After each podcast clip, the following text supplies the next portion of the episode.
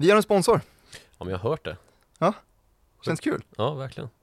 Så om man jobbar med styrelsearbete till exempel, då är det dags att spetsa öronen visar det sig. Ja, exakt. Vi, vi dagligdags bevakar ju ett allt mer komplicerat och snabbrörligt näringsliv och kan väl konstatera att företag är helt beroende av ansvarsfulla styrelser som idag behöver kunna ta välgrundade beslut i högre hastighet. Annars kan det gå som för Credit Suisse. Det kan det göra. Och då måste man ju ha ett effektivt verktyg för att kunna göra det. Och då är vi väldigt glada att kunna presentera vår partner Hippoli, som då erbjuder Sveriges mest moderna plattform för styrelsearbete. Det används av en mängd företag och investeringsverksamheter för att skapa en säker arbetsmiljö för sina beslutsfattare.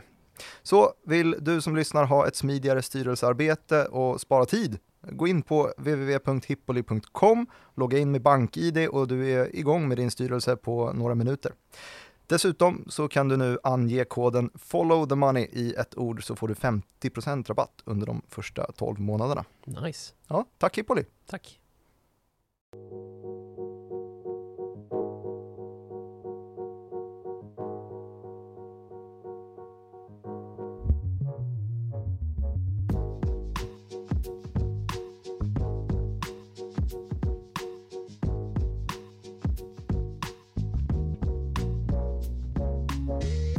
I skuggan av en bankkris i västvärlden som följt efter en tid av maktdemonstration från USAs centralbank Federal Reserve som i sin tur lett till att dollarn krossat andra valutor hördes allt fler lockrop från Peking i finansvärlden.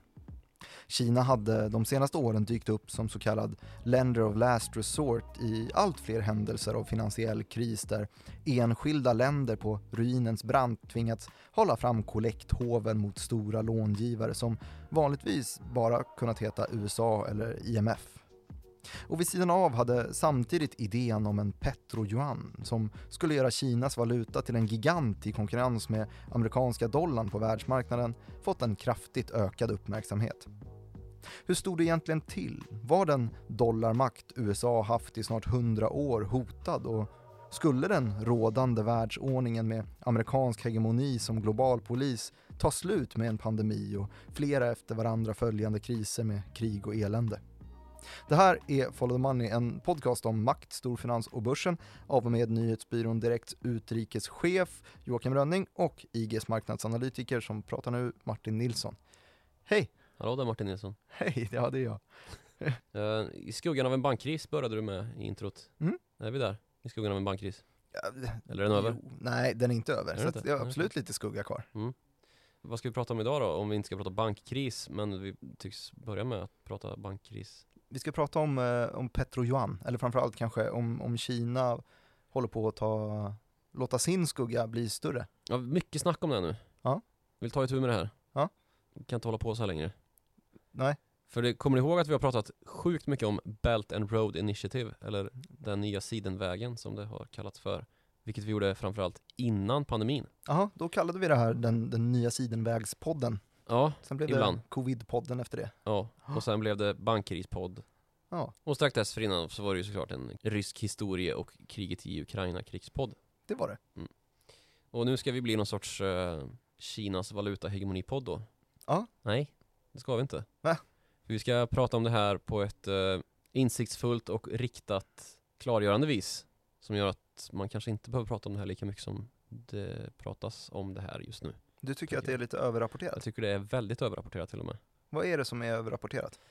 Risken för att Kina är på väg att få någon sorts världsherravälde inom eh, valutasystemet och att dollardominansen är på väg att fallera och att vi snart kommer leva i en tid där vi får rätta in oss efter vad som eh, beslutas i Peking eh, angående rätt och fel. För det är ju lite grann så vi slarvigt kan förklara eh, dollarsystemets inverkan på världen och geopolitiken, eller ja, genom geopolitiken.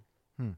I det och att det är den amerikanska agendan som gäller för vad som är rätt och fel och vad man får och inte får göra. Genom då att eh, amerikanska banker är de som växlar dollar och ska man genomföra transaktioner i dollar som ju är världsvalutan så måste man foga sig då till de amerikanska politikernas beslut om vad man får och inte får göra. Alltså den amerikanska lagboken mer eller mindre. Och därigenom så har vi ju en ganska linjerad struktur då i västvärlden just om hur vi ser på världen. Mm, det här var ju någonting som blev väldigt tydligt. Kommer du ihåg, eh, under en kort period så var vi också en penningtvättspodd. Mhm. Eh, när det briserade först och främst i, i Danske Bank, men för, på den svenska sidan så var det Swedbank som hade det värst med penningtvättsskandaler under 2019 och 2020. Mm. Ehm, då var det ju inte särskilt mycket böter från den egna eh, regeringen, från Sverige som var eh, det bankerna oroade sig Nej, för. precis. Utan det Eller, var ju ja. böter och sanktioner och det ultimata hotet dollarclearing som mm, var precis. Det, det läskiga. lyftes ju av en del aningslösa att eh, oj nu ryker Swedbanks dollarclearing. Och då fungerar man ju inte som bank Nej precis, då, fungerar ingenting i en bank. Eh, För dollarclearing är ju då eh, rakt av att USA säger att ni får inte använda dollar. Precis. Så den världsordningen är det som utmanas eh, enligt media då. Och Mm. du tycker att det borde utmanas mm, fast Mindre. kanske lite mindre. Ja, kan man säga. Och det kommer vi ju komma tillbaks till någon sorts slutsats för varför jag eh, tycker att det här har blivit lite överdrivet. Men vi får börja i någon sorts ände och då har vi ju redan inlett lite grann här med Belt and Road Initiative. Alltså det stora infrastrukturprojektet som rent allmänt har setts som ett projekt där Kina försöker hitta ett sätt att nå ut med sin stora exportindustri på ett enklare sätt. Koppla ihop Kina med eh, världens välutvecklade ekonomier som ju ja, i det här fallet då gäller Europa. Det är också ett projekt till havs då där man försöker eh, bygga hamnar och upprätta handelsrutter då och säkra sin makt över olika linjer i världshaven kort och gott.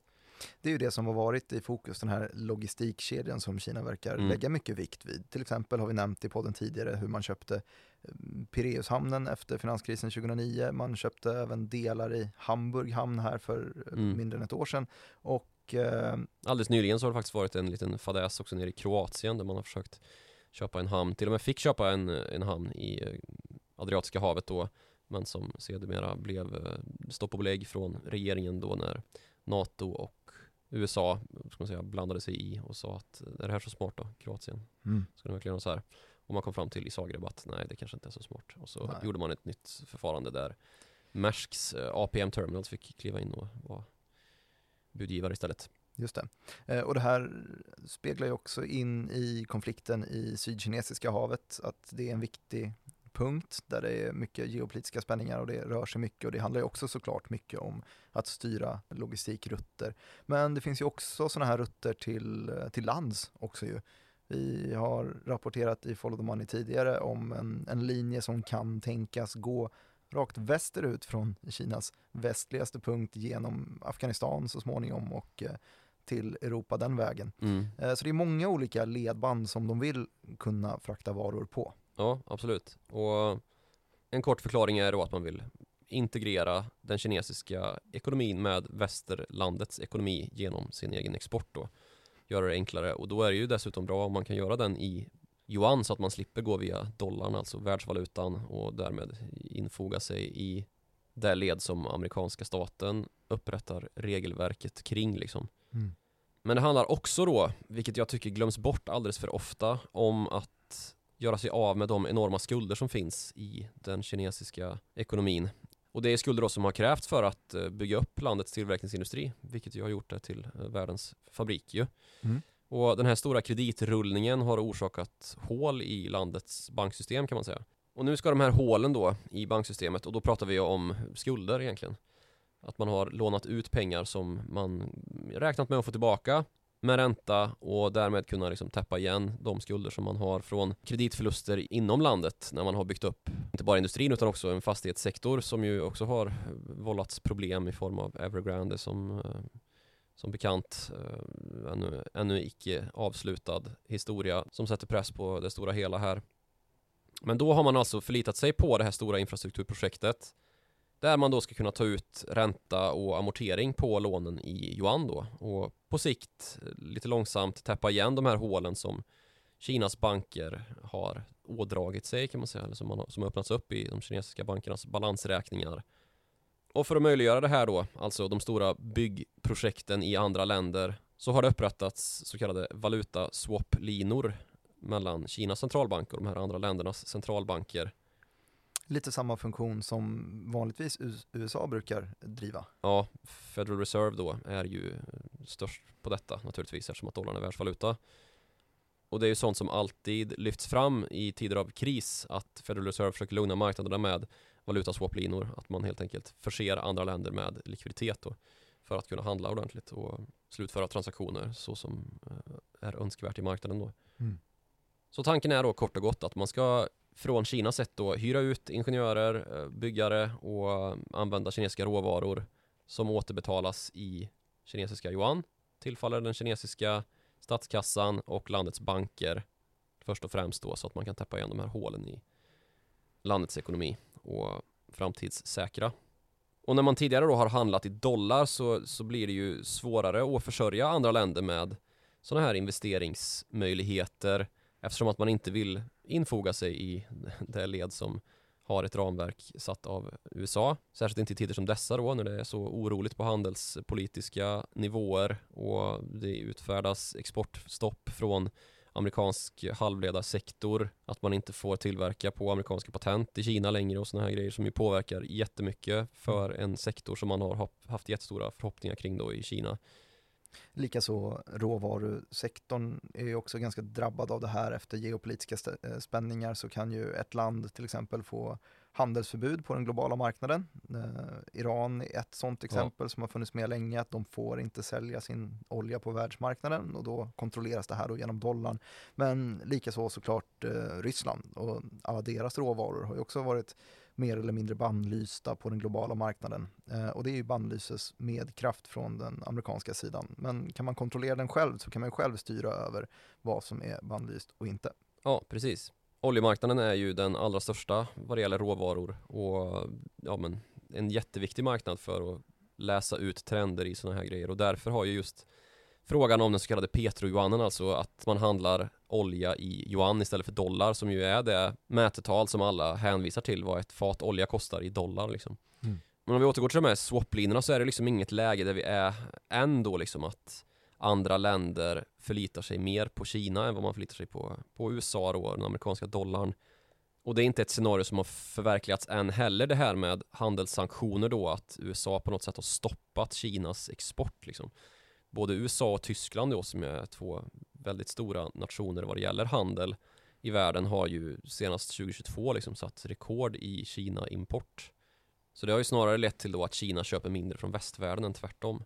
Vilket ju kan ses som lite problematiskt men det kanske är materia för ett annat avsnitt egentligen. Men om vi ska prata istället om Lender of Last Resort och den ställning som Kina har fått där så kommer vi också in på de här valutaswap-linorna som har upprättats då. Mm.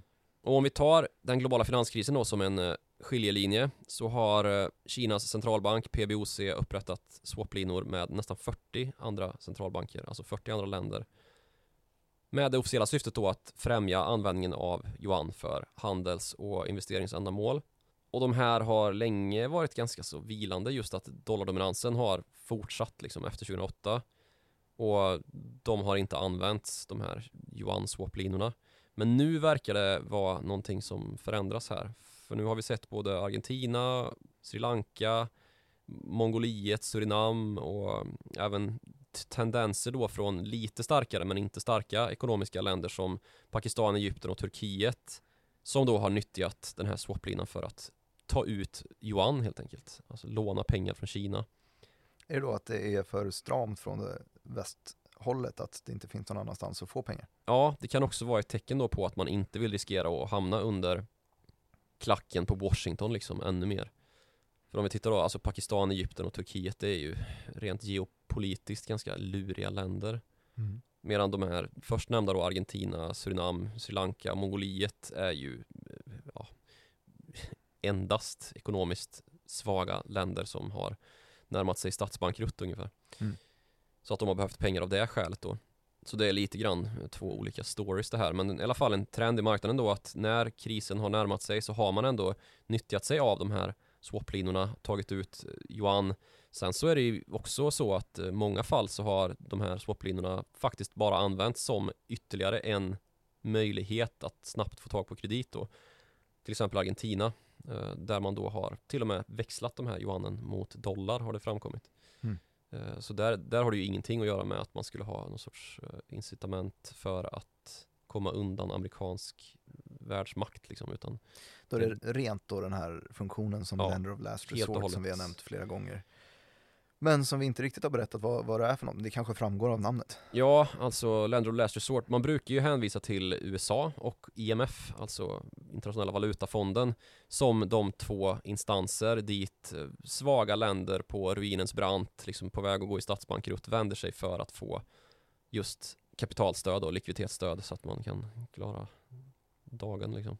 Marknaden är inte så intresserad av att hjälpa dem Nej, precis. genom sin ursprungliga funktion utan man måste då eh, ta till sådana här medel. Ja, och där har då alltså Kina dykt upp nu som en tredje spelare och lyfts fram som liksom, här är det någonting som händer. Vad är det som händer? Och så har man försökt reda ut då vad det rör sig om. Och till det här spelet då så bör vi också börja prata om Petro Johannen som du var inne på. Att man använder då som ett sätt att komma undan och komma runt USAs sanktioner som ju ofta träder in via oljemarknaden och där ju dessutom oljeländer ofta är problematiska diktaturer eller hybriddemokratier som har en despot vid makten, typ som Ryssland. Det var ju en tydlig linje också på hur eh, drabbad man blir av det här dollarhotet. Om vi minns, mm, det räcker bara att kolla tillbaks ett, ett halvår lite drygt, så eh, var Ryssland ute och vädjade till handelspartners att betala i rubel eh, snarare än dollar. Ja, Eh, just så att man skulle kunna kontrollera lite och det var väl också ett sätt att försöka stärka rubeln som Mm. tog rätt och då pratar, stryk. ju, då pratar ju Putin alltid om att USA vapenifierat dollarn, weaponized the dollar brukar Mm. det stå i finanspressen. Att han pratar om då och att USAs maktinflytande enskilt och då som styrande över NATO och de här knähundarna som anses vara då Europas länder ur regimryska ögon sett då som instrument liksom Mm. för att upprätthålla den amerikanska hegemonin då som är enligt Kreml pervers och där skiljer man sig inte så mycket från Pekings sätt att se på det hela och där har ju också den här liksom alliansen mellan Ryssland och Kina framställts som någonting annat än vad den väl egentligen är att betrakta som om man tittar historiskt och kulturellt och alltså, mer binärt geopolitiskt att det är ju två länder som alltid har legat i luven på varandra och att de nu pratar sedan några år tillbaka om att samarbetet är gränslöst och att man har eh, helt linjerande intressen liksom. Det handlar ju bara om att man vill välta den världsordning som dikteras av USA och att båda förlorar så mycket på att inte kunna leva sina tendensiöst odemokratiska styrsätt till max då och, och generera så mycket som möjligt utifrån deras perspektiv då. Så det, det är lite av en eh, annorlunda drivkraft bakom varför man väljer att handla i Petrojuan eller Petrorubel som, Ja. som Ryssland vill ha jämfört med om vi återigen eh, för in Iran i diskussionen som Mm. länge har varit utanför marknaden ett land som har, vad är det? Samma med Venezuela ju. Just det, eh, men 60-70% av BNP har Ja. varit eh, försäljning av olja. När Exakt. den delen försvinner så måste man ta till andra knep. Mm. Och då blir det att öppna en dialog med länderna som kan tänkas handla. Säljer man olja, oljan dessutom antagligen till en ganska fet rabatt mot att man äntligen får sälja den till någon i alla fall. Mm. Och då är det bara de lite starkare länderna som vågar stå emot USA som eh, kan tänkas göra det här. Ja, Till exempel då Kina. Och nu pratar vi dessutom i en tid när det är ett ganska hårt informationstryck då. Och det här informationstrycket har ju att göra med att USAs kampanj för att få bukt med den inhemska inflationen ju har spilt över lite grann på andra länder som handlar med USA eller som är beroende av att USA har sin världsmakt genom dollarn då. Även allierade länder, att det här kan så en del split då är ju en av anledningarna till att det basuneras särskilt just nu då om att det finns alternativ då i form av till exempel Petro-Johannen Mm. även mycket om globalt centraliserade centralbanksutgivna digitala pengar liksom som en möjlighet. Mm. För när USA då bestämde sig för att nej, men nu, nu gör vi exit från den här nollränteregimen, alltså att vi har så låga räntor att det är som ett skämt. Så var man ju först i ledet med det liksom. Vi var ju en en frontrunner i att höja räntor rejält alltså. Mm. Och det ledde till att de globala valutamarknaderna snedvreds kan man säga. Ja. Det blir alltid så. Det är ju två stycken anledningar som driver dollarkursen högre där och eh, det är ju typiskt sett ränta. USA ligger just nu på det här spannet 4,75 till 5, eh, vilket kanske blir toppen, det får vi se. Eh, det verkar väl som att de är nära den här vändpunkten Mm. just nu. Men det finns också en till effekt som driver dollarn högre och det är ju den här safe haven-effekten, alltså Mm. att USA, ett stort säkert land, där kan man tänka sig ha pengar hellre än eh, ett litet öppet eh, land som typ Sverige, Mm. vars valuta tar ganska mycket stryk under oroliga tider. Precis, för när då det blir oroligt i ekonomin och USAs centralbank Federal Reserve höjer räntan så stärks ju den lokala valutan då som representerar USAs penningsystem, alltså dollarn. Så man kan ju säga att dollarn stärks, för det gör den ju, men man kan också säga att logiken medför ju att andra valutor försvagas på världsmarknaden. Just det, det är alltid två stycken som ska spela i ett valutaspel. Ja, precis. Och då då när världens säkraste tillgång, som ju är dollarn, plötsligt ger ägare av i princip alla andra valutor möjlighet till positiv avkastning genom att byta, liksom att man köper dollar för att köpa sånt som till exempel statspapper. Så flödar ju globalt kapital till dollarn eftersom att man då växlar in sina euro, japanska yen eller svenska kronor eller vad det nu än är. Och det leder till i nästa steg då att priset på dollar klättrar och Alltså det som köps behöver ju inte vara spexiga tillgångar som fastigheter eller aktier eller något Jag tänkte annat. precis fastigheter, det klassiska eh, Roger Akelius-affären. Det Eh, var din jävla Roger Akelius. han sålde ju av Heimstaden, kommer du ihåg? Ja Eh, just det. 100 miljarder kronor ungefär fick Och han så för satte den. han det i dollar ja. Satte han det i dollar, eh, dollarn apprecierade, han eh, gick plus om det var 10-15 procent eller något sånt där Mm. och bara av de pengarna så lyckades han köpa sig en ganska stor stek i Castellum och tvingade ut eh, Stackars Rutger. då, Arnhult. istället. Mm. Men hur som helst så ställs då centralbanker runt om i världen inför ett val här då att man antingen höjer räntorna med USA och därmed liksom offrar tillväxt eftersom att det blir svårare att investera i ekonomin. Mm. Dyrare med högre ränta och låna pengar. Men att man samtidigt då kommer undan en viss valutadepreciering om man alltså höjer ett till ett med Federal Reserve, vilket ju ingen gör. Och anledningen till det är att man istället då håller räntan nere, låter valutavärdet falla och det kanske bästa exemplet eh, är väl Bank of Japan och yenens år 2022 Mm. där ju valutan har kraschlandat. Men då är ju följden också att om man är ett exportberoende land så kan man ju dra lite, njuta lite frukt av det här genom att då exporten blir billigare. Eh, Så brukar det låta politiskt i alla fall, när Mm. man ska motivera att en valuta är svag. Och man behöver ju inte åka till Japan för att höra den diskussionen, Nej, utan det finns ju ju- på hemmaplan också. Just det. Men sen så vad avser de här råvarorna då som är prissatta i dollar, främst olja alltså, så sjunker ju priserna i dollar men inte nödvändigtvis i andra valutor. Nej, jag hängde inte med, säger jag. Nej men alltså råvarorna handlas i dollar. Ja. Men för att handla med råvarorna så måste du först växla till dollar från din egen valuta. Om du inte är amerikan. Och därför så påverkas ju priset också av valutakursrörelsen. Alltså alla förbränningsmotorbilägare har ju fått känna på det här när kronan har blivit svag och pariteten mellan oljeprisnedgången och bensin och dieselpriserna knappast har varit ett till ett liksom. Eh, alltså oljepriset har kunnat gå ner 10% på en vecka men man har inte sett liksom skillnaden 20 kronor per liter till 18 kronor per liter på en vecka för det liksom. Nej, just det. Ett, en, ett oljefat som kostar 60 dollar är dyrare idag än för ett år sedan. Ja precis och det är ju för att kronkursen kommer in och avgör i slutändan liksom. Mm. Och på det här viset så kan ju USA fördela en del av den inhemska inflationen, eh, alltså prisökningar till andra länder via exportinflation då.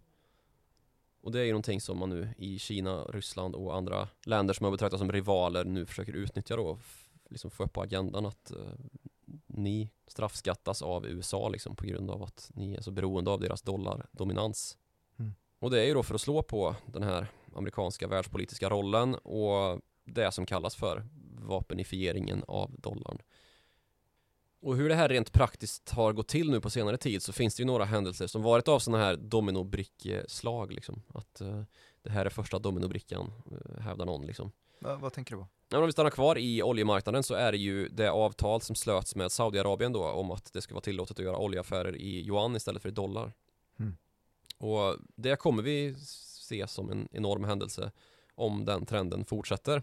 Det här är ju en eh, enormare eh, händelse just eftersom att Saudi historiskt ska vara lite mer kompis med USA än övriga länder i Mellanöstern. Ja, um, ska vara jättemycket mer kompis med USA än någon annan. I alla fall om man tittar på deras beroende av amerikanskt beskydd då att man får köpa vapen från USA typ helt obehindrat om man ser historiskt.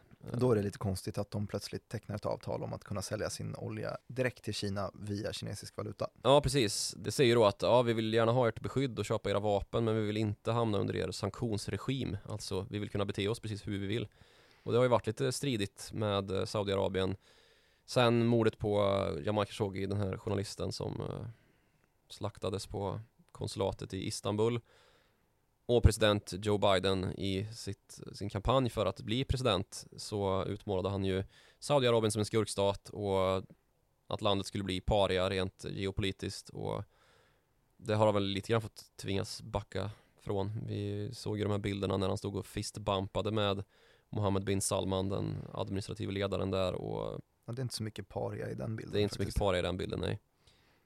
Så det är ju potentiell dominoeffekt så det skriker om det här om det skulle vara så att Saudiarabien då, som är ett av världens största oljeexportland skulle börja sälja sin olja i yuan istället över högt och lågt. Mm. Men är det så då?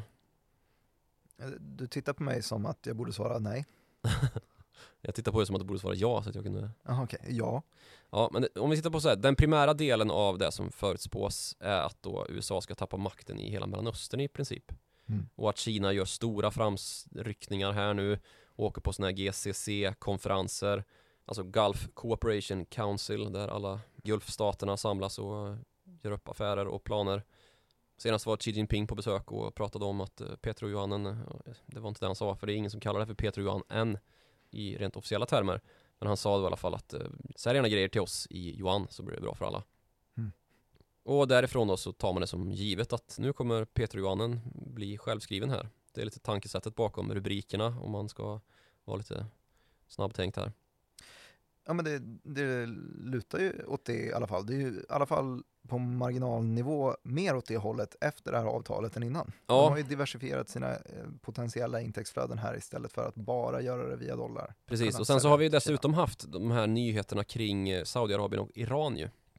De ska bli kompisar igen. Ja, precis. Det är väl mycket att säga kanske. Mm. Men de ska upprätta diplomatiska kanaler igen. Mm. Och det här är ju två ärkefiender som liksom utan deras ärkefiendskap så hade ju Mellanöstern varit en trivsammare plats. Helt klart. Kina var då den fredsmäklare som satt till bords med Kina, med Iran och Saudiarabien och kom fram till det här med att uh, nu öppnar vi de diplomatiska förbindelserna igen, alltså ambassader och konsulat i respektive länder efter sju sorger och åtta bedrövelser och det är ju bra. Men det är typiskt världspolis-move. ja, eller eh, i alla fall världspolis, säkerhetsvakt. Ja. Dörrvakt, sån här person som inte kom in på polishögskolan men Är det i Kina just nu? Vill brottas med folk ja. som inte beter sig ändå. Det har du varit med om? Aldrig faktiskt. Nej, bra. För att mystifiera saken till fullo då så är det här alltså dominobricka två som faller i den rörelse som kommer att rita om kartan för inte bara Mellanöstern utan också för hela världens finansiella system då. Så den första var alltså att eh, Saudiarabien tecknar avtal med Kina om att kunna sälja olja i yuan och ja. den andra är att eh, Kina orkestrerar en fredskampanj mellan Iran och Saudi. Ja, eller att man visar så här att kolla vilken inflytande makt vi har här och vad folk lyssnar på oss här och bara vi säger att de ska börja handla med olja i yuan så kommer de göra det. Det är ungefär den mm. tankeströmningen. Som då ska leda till att dollarmakten förångas och sugs ut i eh, atmosfären eh, i en liksom ventilationskanal som drivs av först en pandemi och sen som eh, får ytterligare fart av handelskrig och krig i Ukraina och inflationskris och allt det här kris och krig är en ganska bra tid kan man tänka sig för att just ställa om ett valutasystem och skapa sig en dominans. Så brukar man säga ja. Mm. Är det någon särskild period du tänker på när det kommer till dollardominans? Um, För det här det fluktuerar ju liksom, det är ju massa olika valutor i världshistorien som har varit dominanta. Mm. Det har ju varit både den nederländska gulden och det har varit pundet naturligtvis. Det beror ju på vem som har makten och det stora inflytandet över världspolitiken mm. just mm. under en viss epok då. Och så när det kommer till dollardominans, när inträdde den egentligen? Jag skulle vilja säga att det är efter andra världskriget. Varför det? I kort sagt så låg ju dominansen dessförinnan i Europa och det är nu sönderbombat och då fanns det väl ganska lätt att ta det Precis, Europa var ju en härdsmälta i stadsbilden. Alltså man behövde ju jättemycket kapital för att börja om på nytt. Och då kom USA genom den så kallade Marshallplanen till undsättning då och började kavla ut en massa stödmiljarder över Europa då med eh, villkor skrivna om att man skulle premiera USA då och eh, se till att ha förtur för den amerikanska valutan och för amerikansk export i den här uppbyggnaden av Europa då som skulle ske. Mm. Och det lyckades ju, det var ett totalt eh, succéprojekt det här som ju vilade till grund för väldigt mycket av den välfärd som Europa sen kom att komma tillbaka till efter andra världskrigets eh, ruinlika efterbörd då som ju mm, vi såg där 1945 när kriget tog slut. Och sen den stora diplomatin trädde in, man skulle göra upp med nazisterna, de som fanns kvar som skulle ställas inför rätta och liksom processen till återuppbyggnad kickade igång ordentligt först 1947 då med att Marshallplanen introducerades och började ta fart i Europas länder då. Så den här liknelsen, det går att dra streck till vad Kina vill åstadkomma efter pandemi och kaos? Ja, men det är ju här en väldigt stor skillnad också då. USA pratade ju verkligen ur en dominant position, man hade vunnit kriget, man var icke sönderbombat. Det var ju det enda liksom, landet som deltog i andra världskriget i någon större utsträckning. Även av de allierade då med Sovjet, Frankrike, Storbritannien som de övriga segrande parterna så var ju alla de andra länderna i brygga på grund av just den fysiska åverkan som kriget hade gjort på deras ekonomier. USA har ju ett helt hav till kriget och det enda egentliga slaget som kom att påverka USA. Ehm, var det japanerna i Pearl Harbor? Ja, precis. Det var ju Pearl Harbor det som liksom inledde USAs väg in i kriget kan man säga. Efter det, det var ju ingenting på fastlandet liksom som kom att skada infrastruktur eller sådär. Så att USA var ju, precis som Sverige för övrigt, väldigt välrustade för att bidra till återuppbyggnaden av Europa och när USA gjorde det med tillägget då att vi ska också ha makt över framtidens demokratiska system och den hegemoni som ska styra vart någonstans vi är på väg så var ju Sveriges strategi snarare att liksom fortsätta uh, vara en leverantör av råvaror. Mm. Så som man även varit under kriget med viss skam dragen över oss givet hur mycket järnmalm vi exporterade till Nazityskland. Mm. Men eh, husen var eh, tämligen obombade i Sverige och ja. kassorna fylldes ganska fort efter andra världskriget var slut. Absolut, det kan man ju inte annat än konstatera. Mm. Är det sannolikt det här då? Att dollardominansen är på väg att fallera och att vi snart får rätta in oss efter vad som eh, beslutas i Peking eh, angående rätt och fel? Du får svara vad du vill nu. Ja, alltså jag är inte helt övertygad om din linje här att det inte kommer ske. Nej. Kan du utveckla? Ja, men man tar inte över en världshegemoni över en natt, utan det handlar ju om att man plockar upp små, små delar och ett avtal med det OPEC-ledande landet Saudiarabien, det måste anses som stort. Och OPEC-ledande menar jag ju då att det är de väldigt mycket som kontrollerar hur stort utbudet av olja kommer vara, så att de kontrollerar redan en stor del av oljemarknaden.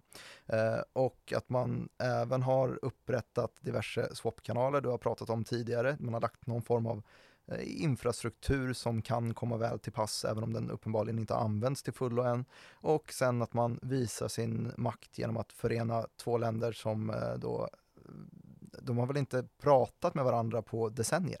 Men något som liksom faller bort i diskussionen lite grann är att det trots det saknas incitament för de som bestämmer i frågan, alltså länderna i Mellanöstern, och gå över till yuan.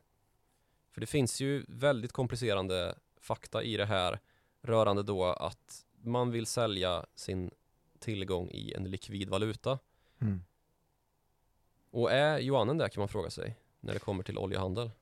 Nej, men man måste ju börja någonstans. Mm. Det är väl mitt resonemang i det hela. Visst, men då finns det en försvårande faktor i det också. Och den försvårande faktorn är prissättningsmakt. Och då kan man fråga sig, är yuanen en valuta som prissätts på en öppen marknad?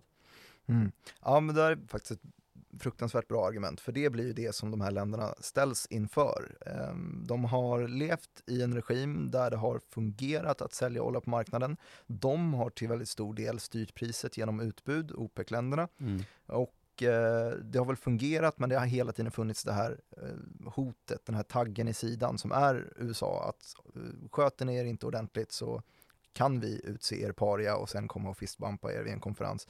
Mm. Um, och den faktorn är ju väldigt mycket mer orolig om man skulle ha samma typ av relation med Kina istället. För att man har ju ingen riktig insikt i vad de gör och det du pratar om är att de själva kanske kan styra priset. Ja, det har väl bevisats ganska många gånger att Kina manipulerar sin valuta för att få fördel själva. Ja, den flyter ju inte fritt på världsmarknaden. Den gör man ju lite vad man vill med i Peking liksom. Och här kan vi ju verkligen prata om att använda valuta som vapen, något som inte minst USA fått känna på då. Och som ju framförallt Donald Trump använder som ett bärande argument för att inleda handelskrig med Kina. Att de manipulerar bara. De tar våra amerikanska dollar som är fritt flytande, fritt flytande på världsmarknaden. Och så bestämmer de att yuanen är lite dyrare idag. ja, precis. Och därigenom så tilltvingar man sig ju makt då över förhållandena på marknaden som inte är att betrakta som liksom fria och öppna som en marknadsliberal stat som USA vill ska, ska härska liksom. Ja, det är ju någonting som såklart väger ganska tungt i argumentet om att eh, Mellanösternländerna inte skulle vilja börja handla med eh, Kina som centralpart.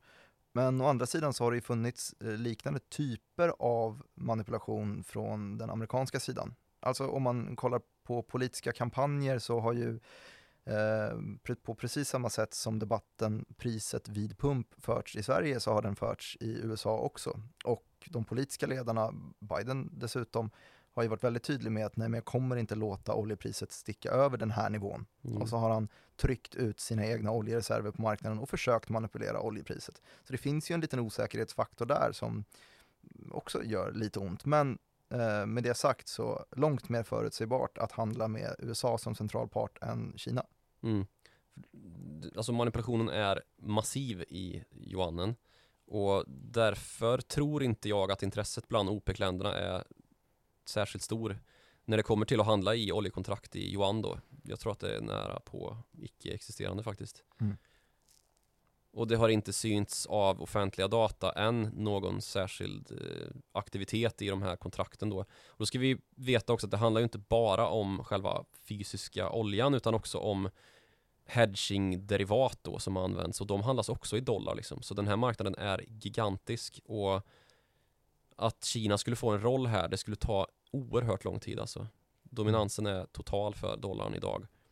Och det finns alldeles för många exempel på hur Kina liksom manipulerar råvarupriser på allt från bomull till kol och järnmalm när det börjar knipa då kring vissa prisbrytpunkter i marknaden som måste uppnås för att BNP och statsbudgetmål ska nås. Och de här tre bomull, kol och järnmalm det är ju råvaror som Kina har en egen makt i som utbudspart då eftersom att man har en ganska stor produktion av alla de här. Det har man ju inte inom olja men om man då får den samma makten genom att valutan blir den som handlare använder sig av så kan man ju få en ingång därigenom då och som sagt facit finns redan på hur Kina skulle hantera det om man tittar på deras egen råvaruutbudsmakt eh, som den ligger idag liksom. Att det är total manipulation för att uppnå sina budgetmål liksom. Mm. Och jag har väldigt svårt att se då att OPEC skulle släppa den här prissättningsmakten som man har byggt upp under 60 år som den här eh, kartellen har funnits då genom att bara ge bort den till Kina för eh, deras Petruan tillämpning det skulle ju rasera kartellen och ge bort makten till Kina. Så jag tycker det blir ganska absurt att lyfta fram det här som ett eh, rejält scenario. Att liksom Saudiarabien och de andra maktspelarna i oljemarknaden skulle vända sig till en totalt icke-transparent prissatt valuta som den kinesiska för att göra upp kontrakt eh, om försäljning av världens fortfarande viktigaste råvara. Det liknar snarare konspirationsteori nästan. Och mm. anledningen till att det har blivit så stort är för att det är så här komplext. Det är så få som orkar få ordning på ledgången här liksom. Och en fruktansvärt kittlande story också. Ja, det är det ju. Med Kina som underdoggen i världsekonomin som ja, ska komma exakt. upp och ta makt. Och Kina har nu förvisso då byggt upp en enormt stor industri och har ett enormt stort oljeimportberoende. Världens största enskilda importland är ju Kina vad det gäller olja. Men faktum är att man kan argumentera för att det inte är så stort ändå. Uh, om man då tittar på grannländerna så är ju Japan för sig inte lika stort som Kina vad det gäller oljeimport. Sydkorea naturligtvis inte heller. Men de två tillsammans är större än vad Kina är när det kommer till oljeimportvolymer. Och då pratar vi från Saudiarabien då som är OPECs pappa liksom och bestämmer där mer eller mindre. Även och det som det här avtalet har tecknats med. Ja, exakt. Det är ju helt tänkbart då att om det skulle drivas igenom att det här Petro-Juan-avtalet blev gällande i någon vidare mening och faktiskt tillämpas och att det helt enkelt börjar skena iväg en massa transaktioner i Petro-Juan-kanaler så är det nästan helt givet att Japan och Sydkorea och Indien och andra stora importländer av saudisk olja skulle komma och säga uh, vi funderar lite på om vi skulle kunna sätta upp ett sånt här Petro-yen-kontrakt eller ett Petro-rupie-kontrakt som vi kan uh, lösa in och slippa hamna under kinesisk sanktionsregim. Det vore inte så kul tycker vi. Och det här är ju ärkefiendeländer liksom. Just det, både Indien, Japan Kina. och Indien är... Ja, Japan, Kina liksom. Det. Så dominant är inte Kina egentligen, så att man kan eh, bara snabbt och lätt dra slutsatsen att så här blir det nu. Nu kommer Kina att ta över oljemarknaden totalt och så kommer dollarhegemonin falla. Om vi ska liksom se någon egentlig rörelse i den här petrovalutasvängen så är det kanske petrodirhanen vi ska prata om. För Indien har ju slutit ett kontrakt i dirham då, som är Förenade Arabemiratens valuta, för att man då ville köpa rysk olja och Ryssland handlar inte olja i dollar längre när man ska gå in i kontrakt, eftersom att man har sanktioner på sig. Så eh, då är ju alternativet Petro Yuan då, alltså handla i kinesisk valuta. Men det vill ju inte Indien eftersom att Indiens regering hatar Kinas regering och att det föreligger ett ärkefiendeskap mellan länderna. Så det vore helt absurt. Så eh, det blev i dirham istället. Och då kan vi klämma till med den allra sista poängen i det här att dirham, likt väldigt många andra valutor i Mellanöstern, är peggad till dollarn. Så det är lite samma sak? Ja men det är ju full circle här alltså. Men själva grunden till att det har blivit den här diskussionen då om eh, Petro Yuan som en kinesisk potential för liksom maktanspråk kommer sig ju lite av samma idéer som de som finns bakom OPEC. Och OPEC lämnade ju ett eh, intressant besked här i slutet av förra veckan. De sänkte utbudet på oljemarknaden med mm. en miljon fat till va? Mm. Så vad är de uppe i nu? 1,6 tror jag då 1,6 miljoner fat, 1,6 miljoner fat per dag Och det ska man ta i relation med den här siffran som alltid figurerar i oljemarknaden ja. att det går åt ungefär 100 miljoner fat olja per dag så att mm. man sänker alltså utbudet med en dryg procent Efterfrågan Precis, och reaktionen på det här var ju ganska stor från början Sen var den ganska liten så reaktionen, om man sammanfattar den, är ju Kunde det inte komma med något mer än så här? För det här är ju då en fråga om att OPEC-länderna pressas av ett lågt oljepris, eller lågt, för lågt oljepris för att deras liksom, statsbudgetar ska vara i balans, tycker man. Och då bestämmer man sig för att gå utbudsvägen, alltså sänka utbudet och då pressas priset upp. Och det gjorde det också. Uh, när Asienhandeln öppnade med uh, oljekontrakt så var oljan upp med 8% ungefär. Mm. Stängde dagen typ, jag vet inte vad det var, 3-4% upp någonting. När den här liksom, initiala reaktionen hade lagt sig. Och skälet till att det blev en sån försvagning av den här prisuppgången det är väl att det finns mer tvivel än någonsin på att de här producentländerna ska kunna leva upp till det här löftet om att strypa kranarna egentligen. Det är inte särskilt bra regelefterlevnad i OPEC just nu och det är på sätt och vis svårare att hantera en efterfrågechock eftersom att den inte på samma sätt är reglerbar då än att fixa priset med hjälp av att dra ner på produktionen, alltså utbudet i marknaden. Just det, för det krävs ju då om man är en kartell och man träffas i är det Wien man brukar träffas och hålla sina möten och bestämma, ja men nu drar vi ner på produktionen. Eh, Saudi, du drar ner med 500 000 fat och Ryssland du tar 100 000 och så mm. delar man ut det här och så kommer man upp till de här 1,6 miljonerna fat per dag. Då gäller det ju att alla håller sig till det här, mm. annars blir det ju inte en sänkning. Medan incitamenten för varenda enskilt land som dessutom då, eh, många av dem är skurkstater, så eh, kanske det finns ett incitament att uh, sälja mer än mm. vad man säger.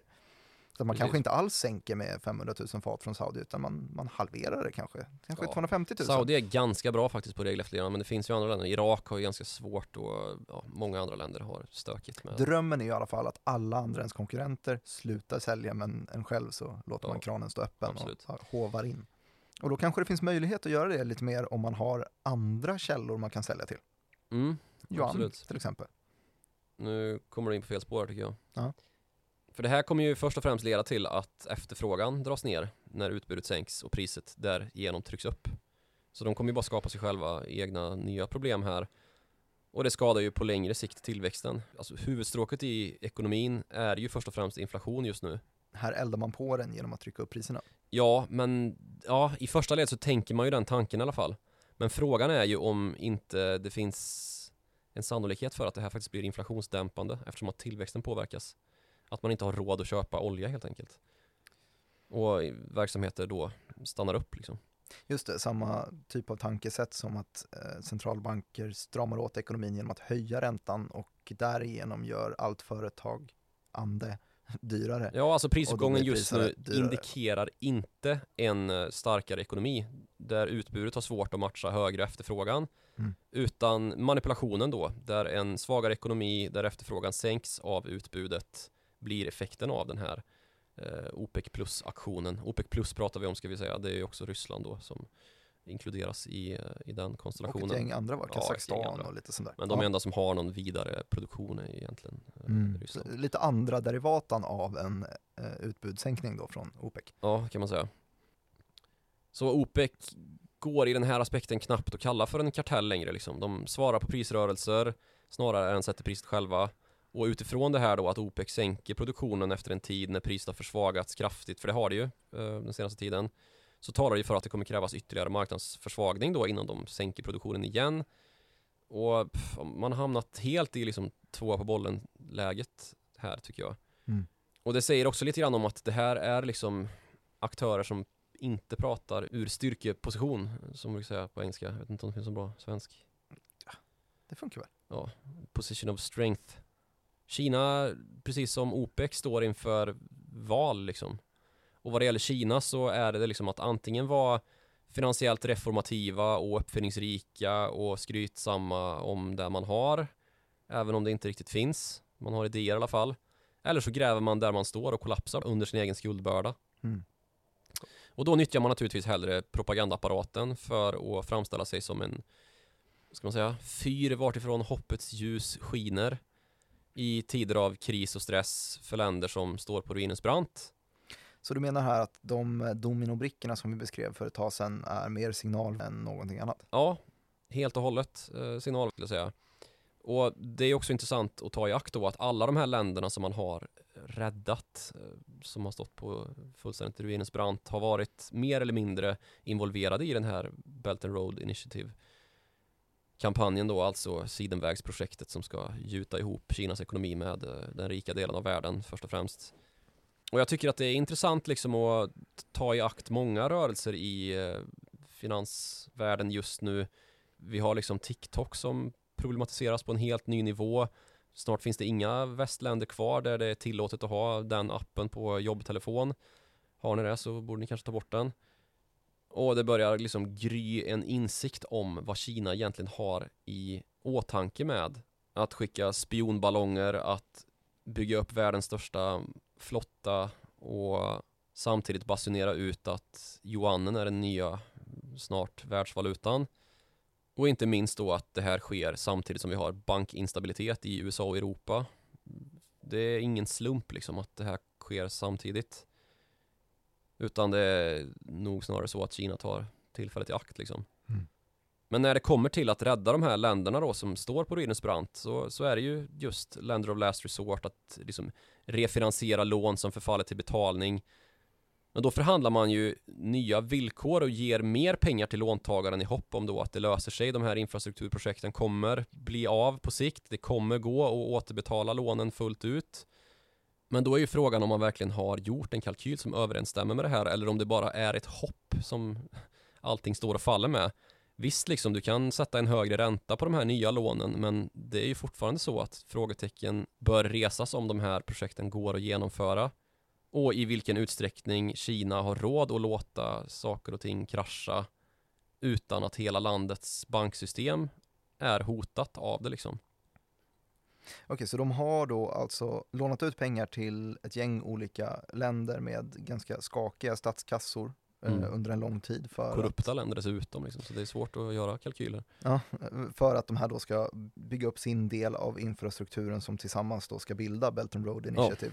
Och nu när världsekonomin skakar så måste man ställa sig frågan om de här kommer ha förmåga att betala tillbaks överhuvudtaget eller Mm. inte. Och i ställena där det skakar så väljer man att kanske låna ut mer pengar tills vidare. Mm. Men de nya pengarna de är dyrare än vad de första lånen var så att man skjuter egentligen bara på problemet. Så man Man bygger en pyramid. bygger en pyramid.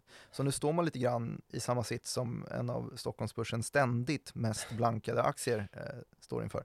Ja, du tänker på Jag tänker på kredithanteringsbolaget. Intrum ja.